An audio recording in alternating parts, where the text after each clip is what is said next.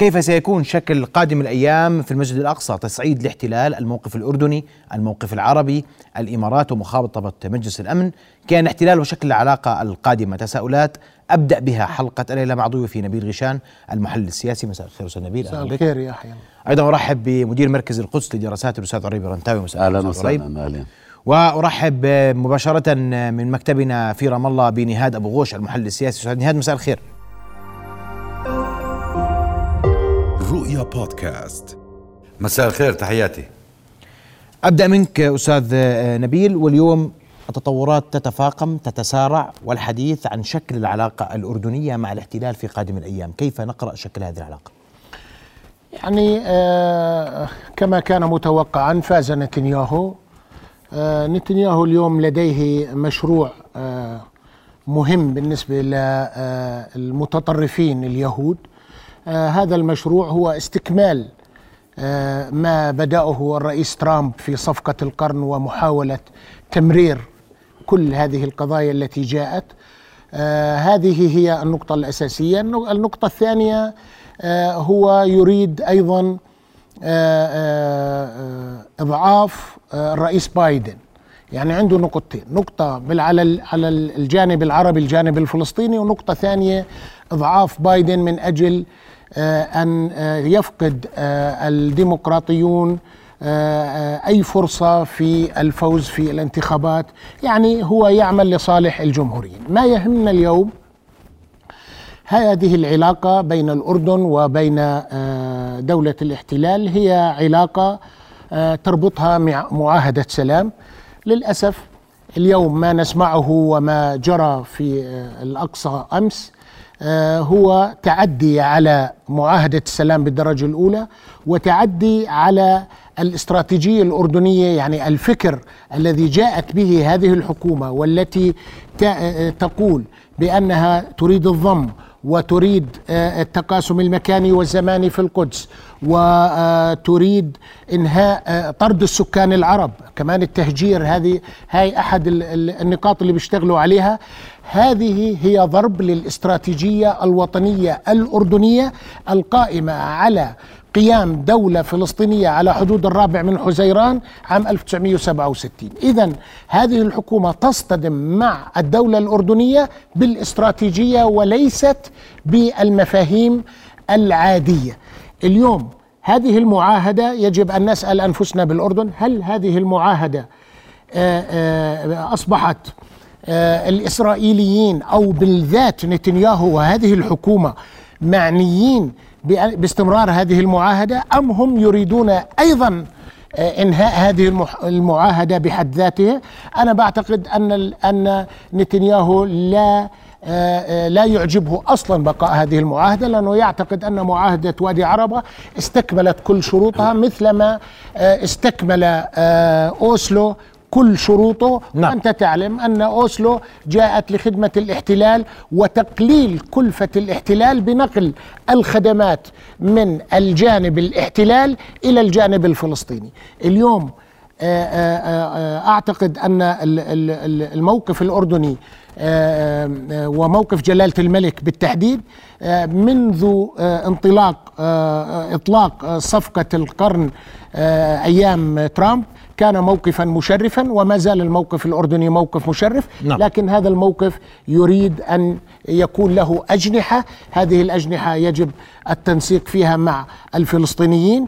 ويجب التنسيق فيها مع العرب واضح. وبالذات مع العرب الذين وقعوا اتفاقيات أبراهام لأن هذه الاتفاقيات إذا ما استمرت بهذا الشكل وهذا العدوان على القدس وعلى الأقصى بهذا الشكل أعتقد أنها تضرب أيضا كما تضرب إسرائيل الأردن. طيب أستاذ ريب والحديث عن الصدام السياسي الأردني مع الاحتلال وهو ليس وليد اللحظة شهدنا فترات طويلة من الصدام ومن التصارع السياسي إن صح نعم. التعبير. واليوم السؤال هل هناك ما هو أبعد من ذلك؟ والمعاهدات هل بقيت واقعا ملموسا أم أنها حبر على ورق؟ لا أكثر. شكرا جزيلا أخي محمد وتحياتي للأخوين نبيل ونهاد على في الضفة. يعني العلاقة الأردنية الإسرائيلية على سكة مواجهة موضوعيا. الآن هذه المواجهة أين تصل؟ متى تنفجر؟ تنفجر الآن لا تنفجر أبدا. هذا رهن ربما بكثير من الظروف والمعطيات. هذه الحكومة من يقرأ الاتفاقات الائتلافية بين مكوناتها؟ الرئيسية الصهيونية الدينية الليكود أساسا شاس يهودتها ترى من يقرأ الاتفاقات الائتلافية؟ يرى أنها إعلان حرب على أعمق المصالح الأردنية في الحل النهائي للقضية الفلسطينية. الأردن عرف شو هي مصالحه في الحل النهائي. قال منذ أكثر من ربع قرن وإحنا بنقول وفي إجماع وطني حكما وحكومة ورأيا عاما على جملة مصالح أردنية أساسية. المصلحة الأولى قيام دولة فلسطينية مستقلة وقابلة للحياة على خطوط 67 بوصفها ليس تجسيدا لحق الشعب الفلسطيني في تقرير مصيره فحسب وإنما جدار دفاع أول عن الكيان عن الهوية الوطنية الأردنية وإغلاق الباب في مج... في وجه مشاريع الترانسفير أو الترانسفير السياسي أو التوطين أو إلى آخره والخيار الأردني وكل ذلك مما يعج به قاموس اليمين الإسرائيلي المتطرف. هذه الحكومة تضرب هذا الخيار في صميمه وهو أصلا مترنح منذ سنوات طوال نعم. تهيل عليه الرمل الان تدفن هذا الخيار خيار قيام دولة فلسطينية مستقلة وقابلة للحياة. المصلحة الثانية للأردن الأساسية يعني اللي هي حل مشكلة اللاجئين. إحنا عندنا مشكلة آه، في عندنا 3 4 ملايين فلسطيني في البلد. يعني إحنا جزء من مشاكلنا الداخلية بالذات في موضوع الإصلاح السياسي والمواطنة والهوية وكل هذا الجدل اللي إحنا فيه من 20 30 40 سنة 50 سنة. شو علاقته بموضوع له علاقة بهذا الموضوع؟ له علاقة بهذا الموضوع. المص... وهذه الحكومة ليس في قاموسها عودة اللاجئين أو حل مشكلة اللاجئين في قاموسها مزيد من إرغام الفلسطينيين على الهجرة واللجوء. هذه ثانية ثالثا قضية الرعاية. عمرها مئة سنة. نعم. هذه رعاية متوارثة من مئة عام وجزء من مفهوم الشرعية الدينية للنظام السياسي الأردني. هذه أيضا في قلب دائرة الاستهداف الإسرائيلي. في قلب دائرة الاستهداف الإسرائيلي. يخطئ من يظن أن التطرف اليميني والقومي في إسرائيل عنوانه بنكفير بنكفير وسموتريتش عناوين طارئة فاقعة استعراضية للتطرف. إسرائيل المجتمع الإسرائيلي برمته ينزاح نحو اليمين الديني والقومي. وهذا ربما يفسر لماذا إسرائيل الآن أقل اعتناء بالأردن. وشفتوا كيف ردوا على مقابلة الملك مع السي ان ان يعني نعم. يعني كلام لم نعهده ومين اللي تولى الرد؟ إسرائيل هايوم وشو هي إسرائيل هايوم صحيفة نتنياهو. نعم صحيح. واللي بيتحاكم في أحد القضايا بسبب محاباته لإسرائيل هايوم هيك وخطأ أيضا أن نختصر القضية الفلسطينية بالمسجد الأقصى. حتى تكون الصورة واضحة للمشاهدين. القضية الفلسطينية ليس المسجد الأقصى عنوان وعنوان مهم وبرمزية وقدسية عالية جدا لكنه لا يخطر القضية لا يختصر القضية الفلسطينية. هذه حكومة لها ثلاث عناوين وثلاث أولويات. إيران إقليميا الاستيطان بما يتخطى صفقة القرن أنا في رأيي هذه الحكومة لا تريد صفقة القرن وبعضهم بالمناسبة بعض مكونات اعترض على صفقة القرن باعتبارها صفقة سخية مع الفلسطينيين. إبراهام هذا العنوان الثالث. وهذه المرة بضم أطراف عربية جديدة لمسار إبراهام. هذه العناوين التي جاءت من أجلها الحكومة. يعني لذلك نحن في في مسار صدامي. إسرائيل منذ توقيع المعاهدة قبل ثلاثة عقود حتى اليوم لم تعد إسرائيل ذاتها. هذا المجتمع انزاح برمته نحو اليمين. لا اليسار اليوم بحجم يسار زمان ولا اليسار نفسه عنده مواقف اليسار زمان ولا اليمين اليوم بنفس مستوى تطرف اليمين زمان. والآن عندك نشأة قوى فاشية وإذا أردنا أن نسمي الأشياء بأسمائها أنا رأيي من الخطأ نقول هذه الحكومة الأكثر تطرفا في تاريخ هذه حكومة أكثر فاشية. نعم صحيح. هذه حكومة الفاشية الإسرائيلية. نعم. هذه حكومة التمييز العنصري الإسرائيلي. هذه حكومة حل القضية الفلسطينية خارج فلسطين. هذه حكومة الترانسفير السياسي. عندما تغلق كل الأبواب في وجه الفلسطينيين لا دولة واحدة ولا دولتين ولا أي شيء من هذا القبيل. وشوف تصريحات بن كفير انت ومقابلاته إلى آخره. وهذا اللي كان من أيام من سنوات قليلة على هامش الخارطة الحزبية. الآن في في السنتر في قلب الخارطة الحزبية. وعضو في مجلس الأمن هو الأمن في مجلس الأمن المصغر. شايف كيف؟ إنه أمام الفلسطينيين خيار واحد العودة إلى مرحلة ما قبل سكان إلى مرحلة ما قبل أوسلو. هذا هو ما, ما يعني ما يراه حلا. بالاتفاق الائتلافي قيل نصا. قيل نصا بين النهر والبحر في أرض إسرائيل هذا التعبير اللي استخدموه لا مجال لتقرير المصير إلا لشعب واحد. هذا حق حصري للشعب اليهودي. ولم يقول الشعب الإسرائيلي كمان. يعني أي يهودي في العالم له حق في الضفة الغربية أكثر من ابن رام الله والقدس وأريحة وبيت لحم والخليل. هذا منصوص عليه في الاتفاق الائتلافي.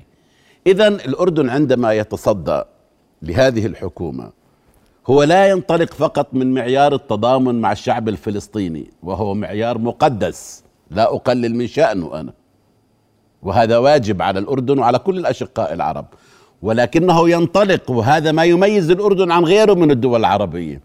ينطلق من الدفاع عن أعمق مصالحه الوطنية عن وجوده عن أمنه عن استقراره. نعم. واضح جدا. أسمع من الأستاذ نهاد أبو غوش في رب الله أستاذ نهاد مساء الخير مرة أخرى. اليوم الموضوع تطور حتى لمحاولة اقتحام الكنائس. كل المقدسات في القدس باتت مهددة. هذه الحكومة لا تحترم احدا ولا ترى احدا بعينها. والسؤال ماذا يملك الفلسطينيون؟ آه، مساء الخير. مرة أخرى يعني أجدني متفقا تماما مع ما ذهب إليه الأستاذان آه، عريب ونبيل بشأن التشخيص العام. ونكمل بأنه آه، خطوة بن غفير الأخيرة ليست مجرد حادثة يعني منفردة ولا هي واقعة انتهاكية بمعنى أو تدنيس للمسجد. المسجد الأقصى محتل منذ 55 عام ونص وكل يوم يدنسه الجنود والشرطة. لكن هذه الخطوة هي جزء من تنفيذ برنامج حكومة نتنياهو. هذه الحكومة جاءت وأعلنت برنامجها سواء بخطوط العريضة التي أعلنت كحكومة أو بالاتفاقات الائتلافية أنها تريد فرض السيادة الإسرائيلية المطلقة على مدينة القدس بكل مكوناتها وأيضا تريد تطبيق القانون. لاحظ تطبيق القانون معناته السيطرة على الأراضي المصنفة جيم بكل مجالات حياتها ومنع الفلسطينيين من أي نشاط حتى لو زراعي أو رعوي أو تجاري أو يعني حتى إنساني مثلا شق طريق أو ما إلى ذلك. بالإضافة إلى ذلك ضم المستوطنات وإطلاق عملية الاستيطان إلى مداها الأقصى وبالتالي تنفيذ صفقة القرن دون إعلان. هذا البرنامج ليس مجرد برنامج يعني انتخابي لكي يكسبوا فيه أصوات المتطرفين إنما هذا تعبير عن قناعة إسرائيل بكل مؤسساتها بما فيها المعارضة بالمناسبة. يعني بنت الأبيد أيضا عملوا على هذا البرنامج. قناعة المؤسسة الصهيونية الحاكمة بكل مكوناتها بما فيها الجيش والمستوطنين والكنيست والأحزاب والمجتمع المدني والجهاز القضائي كلهم يعتقدون أنهم الآن قادرون على فرض الحل النهائي بدون مفاوضات. هم يعتقدون أنهم يملكون من القوة ما يمكنهم من حسم الصراع. لماذا يواصلون إدارة هذا الصراع أو تدويره يعني منذ عشرات السنين؟ هم يعتقدون أن العالم الآن منشغل بذاته العالم العربي مفكك ومنقسم والفلسطينيون أيضا ضعفاء إلى درجة لا يستطيعون فيها مواجهة هذا الحل ولذلك يعتقدون أنهم الآن قادرون على حسم الصراع وهذا يشمل تغيير الوضع القائم في مدينة القدس من جهة وإخضاع الفلسطينيين من جهة ثانية. تغيير الوضع القائم بالمناسبة أو ما يسمى ستاتوكو هذا الوضع قائم منذ عام 1852 في عهد الدولة العثمانية. وحسب اتفاقية أجيزت دوليا في حينها بأن آه، يعني ترسم وترتب حقوق جميع الطوائف والجماعات الدينية في مدينة القدس مما فيها المسلمين واليهود والمسيحيين بمختلف كنائسهم. وظل هذا الوضع يحترم من قبل كل الهيئات السياسية التي مرت على فلسطين بما في ذلك الانتداب البريطاني. حتى حيث أن الحكومة الأردنية تسلمت الوصايا آه، كوريثة أيضا للدولة العثمانية بموضوع الإشراف على المقدسات. آه، أيضا هذه الاتفاقيات حظيت بتأييد وتأكيد من قبل عصبة الأمم قبل الأمم المتحدة ثم الأمم المتحدة التي أكدت على أن يعني كل إجراءات إسرائيل لتغيير الوضع القائم في القدس غير مشروعة وغير قانونية. لذلك إسرائيل الآن هي لا تستطيع أن تنفذ مخططها فجأة هكذا دون يعني مراعاة على الإطلاق للوضع العالمي لكنها تجس النبض آه، تطلق بالونات اختبار تتصاعد يعني تت- تتدرج في تنفيذ هذا المخطط خطوة بعد الأخرى. بدأوا بالحديث عن حرية الزيارة لبضعة أفراد ثم قالوا حرية العبادة وهذا كان تطورا خطيرا في ذلك الوقت. لبضع عشرات أيضا أو بضع مئات ثم انتقلوا إلى مرحلة أخرى عنوانها اقتحامات متتالية لآلاف المستوطنين ثم يريدون تنفيذ التقاسم الزماني والمكاني. هم عمليا نفذوا التقاسم الزماني بحيث خصصوا أوقات صباحية في الأعياد اليهودية الآن يريدون تنفيذ التقاسم المكاني للمسجد الأقصى. وكما قال الإخوة المسجد الأقصى ليس مجرد مكان عبادة بل هو رمز روحاني وثقافي وسياسي وتاريخي للحالة للهوية الوطنية الفلسطينية ولهوية هذه الأرض. وعلى كل حال كل ما سبق يعني ليس آه، قدرا محتما علينا. بمعنى أن يعني يمكن لنا كفلسطينيين وكعرب ومسلمين أن نواجه هذا المخطط فقط في حالة واحدة. إذا شعرت إسرائيل أنها لن تنجو بفعلتها بأنها ستدفع كلفه هذه السياسة العدوانية سواء بقتل الفلسطينيين يوميا أو بالمستوطنات أو حتى بانتهاك المقدسات في القدس. لكن هذا الأمر بحاجة إلى اولا موقف فلسطيني موحد لأنه الموقف الفلسطيني حتى الآن ليس موحدا. لدينا مقاومة وسلطة وفصائل وحالة شعبية كل يعني يدير نضاله السياسي بطريقته بمعزل عن الآخرين. موقف فلسطيني موحد يتضافر ويتكامل مع الموقف الأردني المتماسك والقوي والصلب. هذا سيؤسس لموقف عربي يعني يعني بالتأكيد سيكون هذا الموقف العربي داعما لهذا الموقف الموحد كما رأينا في قمة الجزائر. التي أكدت ب يعني بلغة واضحة جدا على مبادرة السلام العربية ولاحظ العبارات التي استخدموها بجميع عناصرها وأولوياتها لماذا هذا الكلام؟ لأن بعض الدول العربية خرقت هذه المبادرة وخرقت أولوياتها والآن يطمح نتنياهو إلى يعني آه، اصطياد السعودية عفوا يعني مع احترام للسعودية لكونها هي صاحبة المبادرة يريد أن ينجز معها تطبيعا قبل إنجاز الحل السياسي مع للقضية الفلسطينية. لذلك الوضع يعني صحيح أنه خطير صحيح أنه مقلق صحيح أنه يعني ستواجهنا أيام عصيبة وربما استمرار ل يعني سفك الدماء وما إلى ذلك لكن أيضا نملك فرصة جدية جدا لمحاصرة هذا النهج العدواني ال- يعني ال- المخالف لكل القوانين والشرعية الدولية. هذا النهج المتهور الذي تقوده حكومة الفاشيين والذي واضح. يهدد ليس فقط الفلسطينيين بل يهدد كل السلام العالمي. نعم. سأواصل وسأتحدث أكثر في المعاهدات إن تكرمتم. لدينا معاهدات سلام بين الفلسطينيين والاحتلال بين الأردن والاحتلال وبين الدول العربية والاحتلال. واليوم الحديث كل الحديث أنه ماذا نملك في هذه المعاهدات؟ ماذا بقي لها؟ ماذا بقي منها وإلى أين نتجه. هل نتجه فعلا إلى صدام ما بعد السياسي؟ مع الاحتلال بعد فاصل نواصل ابقوا معنا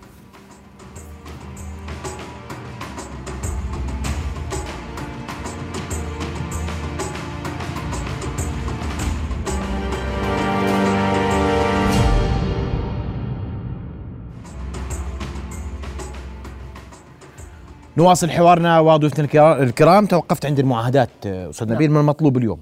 لأنه هاي المعاهدات اليوم حبر على ورق. أنا بعتقد ال- المعاهدة الأولى هي معاهدة وادي عربة. هذه المعاهدة آه، جاءت في ظروف قد تكون خدمت الأردن ولا أعتقد أن من السهل التخلي عنها لكن اليوم على الدولة الأردنية أن تعيد دراسة مصالحها ضمن هذه المعاهدة ما أنتجته والتصرفات التي تقوم بها الحكومة اليمينية الفاشية في إسرائيل اليوم.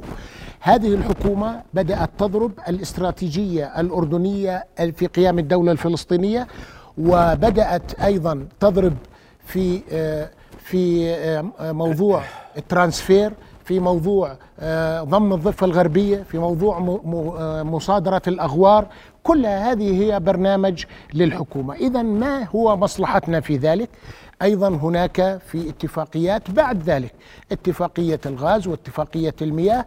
أي اتفاقية بتتم في هذه الظروف هي بالنهاية يستفيد منها الاحتلال للتغطية على جرائمه ضد الفلسطينيين ولإعطاء صورة في العالم أن العرب هيهم بيوقعوا معنا اتفاقيات ابتداء من اتفاقية أبراهام التي وقع عليها أربع دول عربية واتفاقية المياه والكهرباء تبادلها اللي وقعت في بين الأردن والإمارات في بالأحرف الأولى. أعتقد كل هذه الاتفاقيات يجب أن تتوقف بمعنى أن اتفاقية الغاز تقصد نعم اتفاقية الغاز وحتى اتفاقية السلام.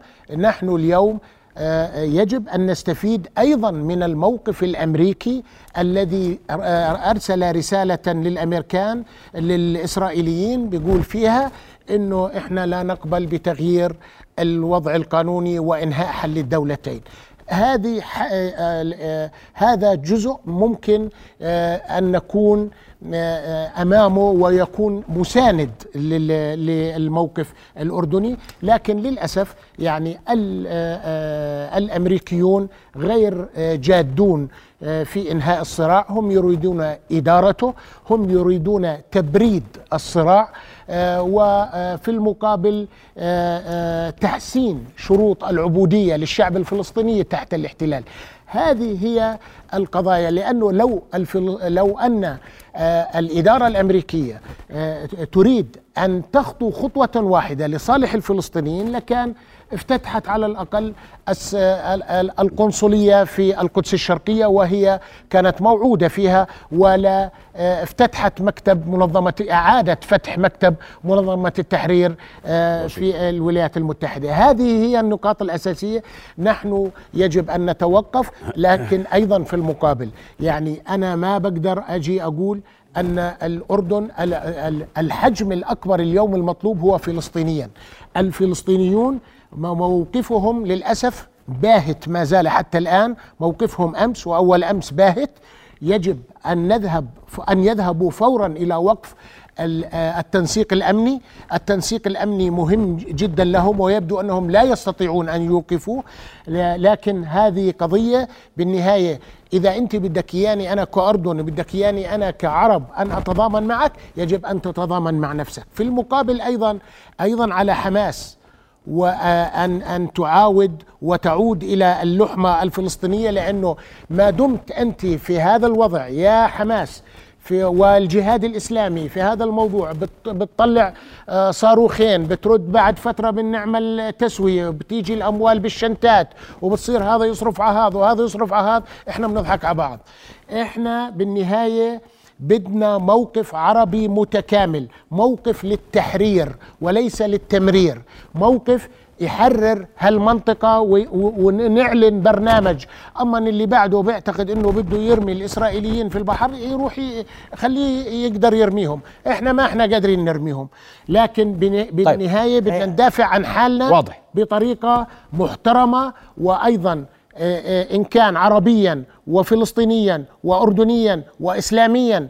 طيب وحتى لجنة القدس. وينها لجنة القدس؟ طيب أسمع رأيك أستاذ عريب وهل نحن قد نصل لمرحلة صدام ما بعد السياسي؟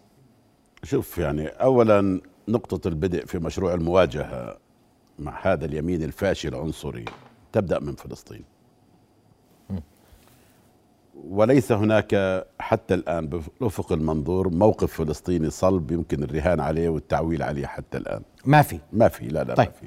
سلطة هزيلة. ولا عربي ومندج ومندمجة إلى حد كبير بالتنسيق الأمني الذي بات مصلحة للسلطة أكثر ما هو مصلحة لإسرائيل بالظرف الراهن.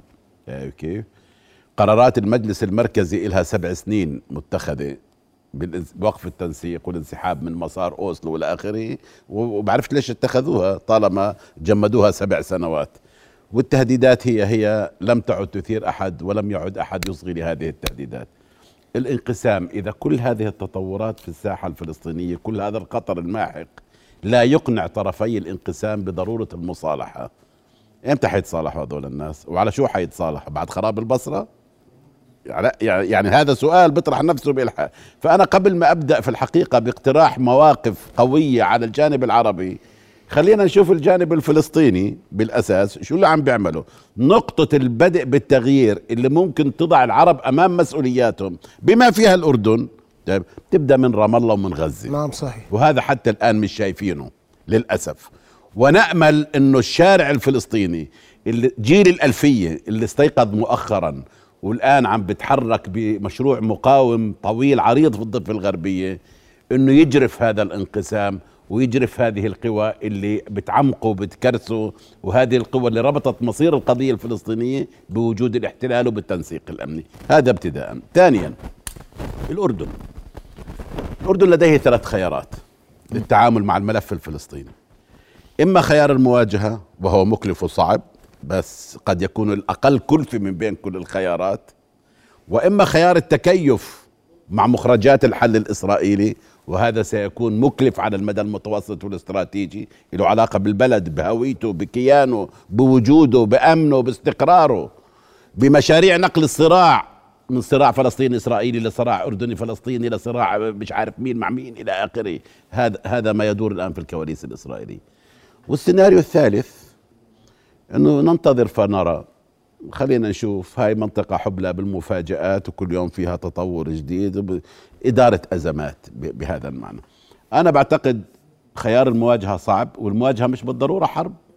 لا يعني طبعا. خيار لا ما في حرب. ليس بالضرورة حرب. ما في حرب؟ لا،؟ لا. أنا ما بعتقد رح يحارب؟ في كل السيناريوهات.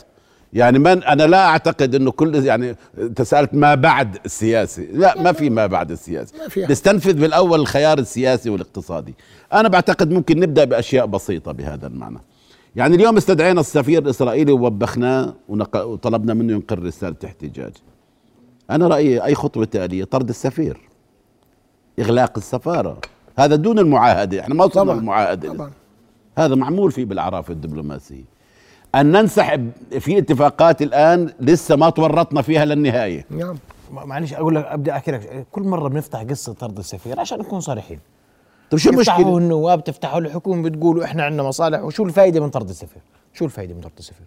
لا في فائدة كبيرة. في إعلان م- يعني هذا أمر بالنسبة لإسرائيل مهم مهم بأي معنى؟ مش معناته حيغير إسرائيل وحيخلي اليمين ينصدم بهذا الموقف. بمعنى إنه أنتم لا تستطيعوا المضي في هذه السياسات الحمقاء العدوانية الفاشية الخطيرة وفي نفس الوقت نستقبلكم. ونستقبل سفاراتكم ونستقبل وفودكم الحكومة قادرة على هذا القرار يا أستاذ نبيل آه لا نعم. آه، بتقدر قادرة. طبعا نعم، طبعا قادرة. طبعا قادرة أي ليش مش هذا حق سيادي ليش يعني. نصغر كتاب هذا بعدين عملناها بزمانات نحن طبعا أيام بأيام السفارة. انتفاضه الأقصى لا لا أيام انتفاضه وجديد الأقصى لما انقتل الأردنيين إحنا عملناها أكثر. من مرة بمناسبات عديدة هذه تعبيرات لكن دبلوماسية هذا بنقدر عليه. اثنين إحنا كل شيء مطروح على الأجندة الثنائية بيننا وبين إسرائيل بنجمده إذا بدناش نلغيه نجمده بما فيه المي مقابل الكهرباء بما فيه المي مقابل الكهرباء. أهم نقطة في كل هذا الموضوع هو وقف اعتمادية الأردن على إسرائيل في قطاعات استراتيجية حساسة صحيح. كالطاقه والمياه والكهرباء والغذاء. نعم. هذا لا ينبغي ابدا لا ينبغي ابدا أن نثق بهؤلاء نعم صحيح. ولا أن نقيم مشاريع تكرس اعتماديتنا عليهم في كل الأحوال. صحيح. في كل الأحوال. ولازم يطلع حدا مسؤول يحكي لنا هذا الكلام. وبورقة وقلم يقول لنا شو ممكن نربح وشو ممكن نخسر بهذا المعنى. وشو البدائل المتاحة أمامنا؟ من الغاز الإسرائيلي والغاز الفلسطيني المسروق. شايف كيف وللمي والكهرباء وغيره من هذه المشاريع يطلع حدا يحكي لنا يا أخي. يطلع حدا يبلغنا شو القصة. يعني كيف أنا في رأيي هذا الموضوع مهم. الأهم من كل هذا وذاك جبهة داخلية قوية صلبة. جبهة داخلية قوية صلبة. وهي الجبهة ما بتتأسس. والله بناء على كلام شيفرات بنحكى في السياسة. وين المسؤولين في الدولة؟ وين السياسيين في الدولة؟ ما يطلع يشرح على الناس. شو اللي عم بصير جوا؟ شو اللي عم بصير في إسرائيل؟ كيف بدنا نواجه؟ لوين بدنا نروح؟ يعني هذا بتطلب مناخ داخلي له علاقة بالحريات له علاقة بالوحدة الوطنية له علاقة بال... بال- بالمجتمع المدني بالأحزاب بحرية الصحافة والإعلام له علاقة بكل هذه المسائل. نعم. له علاقة بتنويع التحالفات والعلاقات. أنا ما بصير أظل رابط حالي ب... ب... ب... بالسلطة في رام الله. ولا بصير أنا أنسحب من الملف الفلسطيني. أنا إلي مصلحة بالمصالحة أنا بجيبهم يتصالحوا عندي. أنا ببذل جهد. ليش تيجي الجزائر على بعد 2000 كيلو متر تبذل جهود للمصالحة؟ وأنا وأنا في عمان اللي إيدي بالنار بقومش بهذا الدور. من مين قلق؟ وليش أنا بحسب حساب مين في هذا الموضوع؟ أنا إلي مصلحة في الوحدة الفلسطينية أنا بجيبهم بشتغل معاهم. أنا بنفتح على كل القوى الفلسطينية بهذا المعنى. واضح. بقيم علاقات متوازنة معها بهذا المعنى. جميل، جميل. لذلك أنا يعني لما بتتحدث عن مسار المواجهة يعني أنت بتتحدث عن عشرات الخطوات اللي ممكن تتخذها تسبق. دون. أن تصل للحرب. دون أن تصل للحرب. وأنا ما بعتقد حتى يعني في حديث مقابلة السي إن إن كان المقصود بالمواجهة الذهاب إلى حرب. أنا لا أعتقد ذلك ابدا. يعني كيف؟ لكن دون ذلك هناك عشرات الخطوات اللي يمكن اثنين ليش إحنا بنضلنا نلت ونعجم في حل حل الدولتين وحل الدولتين ولا بد من حل إحنا بدنا نسمي الأشياء بأسمائها بدنا نطلع بتصريح بموقف. هذا كيان عنصري هذا كيان فاشي وإنه الآن وقت النضال المشترك السياسي والدبلوماسي والإعلامي والحقوقي ضد الفاشية والعنصرية في إسرائيل. ونشتغل على المستوى العربي على هذا الأساس ونبلور موقف عربي على هذا الأساس. خلينا إسرائيل تخشى الآن ما- يسمى نزع الشرعية عنها. من خلال وصفها بأنها كيان فاشي وكيان عنصري. تخشى هذا الموضوع. مجلس الأم... مركز شو اسمه اي آي إن إس إس معهد الدراسات الأمنية في إسرائيل أهم think tank في إسرائيل. حط قصة نزع الشرعية في الترتيب الثالث. من حيث مهددات الأمن القومي الإسرائيلي. أولها إيران ثانيها حماس وحزب الله ثالثها نزع الشرعية عن إسرائيل. لنساهم في نزع الشرعية عن إسرائيل. واضح. أه، أستاذ أستاذ نهاد أه، واليوم كيف يفكر الاحتلال في ظل كل هذا أه، الأمر؟ هو فاشي يعتقد أنه يملك كل شيء لكن هناك خيارات. الصف الفلسطيني عليه أن يبدأ. هل يمكن أن يبدأ؟ هذا سؤال.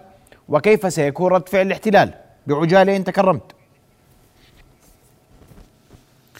يعني ال- الوضع الفلسطيني القيادة الفلسطينية المؤسسة السياسية الفلسطينية مكبلة مقيدة بالاتفاقيات التي لا يعني فقط القيود ليست فقط بالتنسيق الأمني بل أنه آه، إسرائيل يعني تريد لهذه السلطة أن تبقى لكن أن تبقى ضعيفة. السلطة تعرف نفسها كنواة لمشروع وطني يريد أن يتحول إلى دولة لكن إسرائيل تريد أن تختزلها إلى مجرد أداة لإعفاء إسرائيل من عبء التعامل مع الفلسطينيين وأيضا أداة لتنفيذ التنسيق الأمني وحماية أمن إسرائيل وهناك مسألة وظيفة ثالثة مهمة جدا وهي إيهام العالم إنه في عملية سياسية جارية. لكن فيها يعني مشاكل صغيرة هنا وهناك لكن في عملية سياسية وفي مفاوضات ممكن تستأنف في المدى القريب. ليش الكثير من دول العالم صوتت ضد القرار بإحالة آه، أو باستفتاء محكمة العدل الدولية في لاهاي. لأنه بحج بالحجة الإسرائيلية إنه في مفاوضات. ليش تروحوا على المحكمه الدولية؟ ليش تروحوا على محكمة العدل؟ ليش تروحوا على المحكمه الجنائية الدولية؟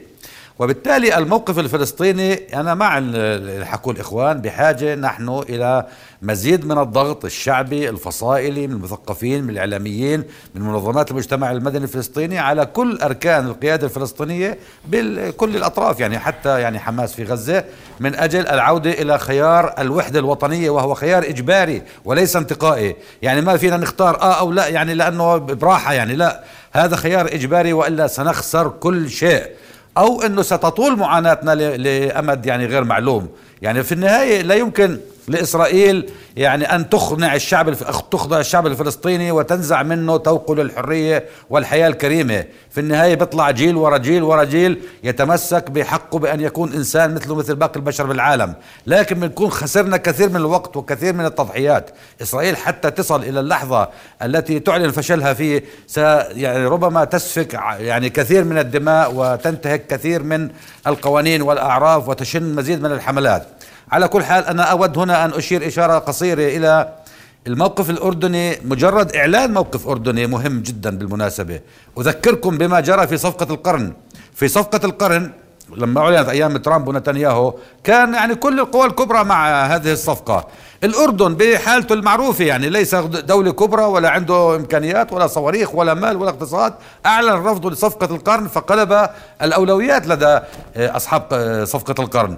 وأثر على مواقف دول مهمة في العالم بما فيها دول كبرى مثل فرنسا وبريطانيا و آه، الصين وروسيا ودول أوروبا. وبالتالي نعم يعني إذا ما تماسك الموقف الفلسطيني أكثر وبذلت ضغوط جدية لبناء موقف فلسطيني وطني واحد موحد متفق عليه باعتماد برنامج واستراتيجية وطنية موحدة ضد الفاشية وضد الاحتلال. نعم. هذا يمكن أن يسند أو يتكامل مع موقف الأردن هذا يؤسس فعلا لموقف عربي يمكن له أن يؤثر على كل عواصم ومراكز القرار في العالم. أشكرك المحلل السياسي من رام الله نهاد أبو غوش كنت معنا مباشرة. أشكرك كل الشكر. أستاذ نبيل إذا عندك تعقيب بدقيقة أرجوك يعني أسمع منك دقيقة واستاذ غريب دقيقة بس بدي أقول لك آه، بشكل عام الأردن عنده خطوط حمر صحيح في كل أنا بدي أسألك سؤال ياردنا الآن.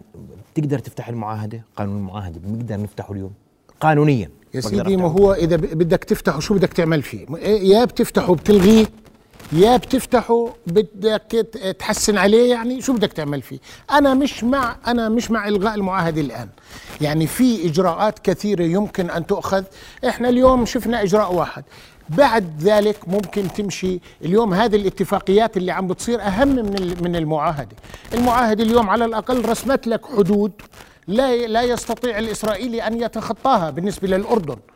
لكنه في موضوع الأغوار موضوع الحل النهائي موضوع القدس موضوع الحدود موضوع المياه كل هذه القضايا ما زالت قائمة. أنا بعتقد الأردن لا يخيف اليوم انتهاء حل الدولتين. والأردن مقتنع والعرب مقتنعون وإسرائيل مقتنعة أن حل الدولتين انتهى.